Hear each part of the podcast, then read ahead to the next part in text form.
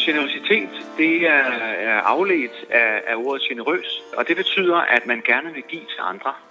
Velkommen til Kældersnak. Mit navn det er Anton Ringdal, og ved min side har jeg Christoffer Christensen. Christoffer, hvad skal vi igennem i dagens program?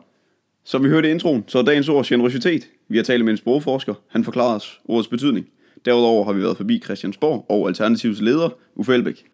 Altså det der med at være generøs, det er jo, at man har lyst til at dele sine øh, overvejelser, sine holdninger og sine værdier med hinanden. Han har givet os en øh, trøje, han har brugt under valgkampen med skriften generøsitet på. Den kan blive din. Dernæst skal vi til intet ringer end vores dejlige byttecentral. Har du noget, du ikke længere bruger? Finder vi en helt ny ejer. Det kan være alt.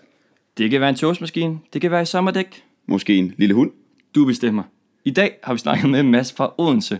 Han vil gerne give sin lækre toastmaskine ud, Du har en dejlig dag. og vi gør den endnu bedre.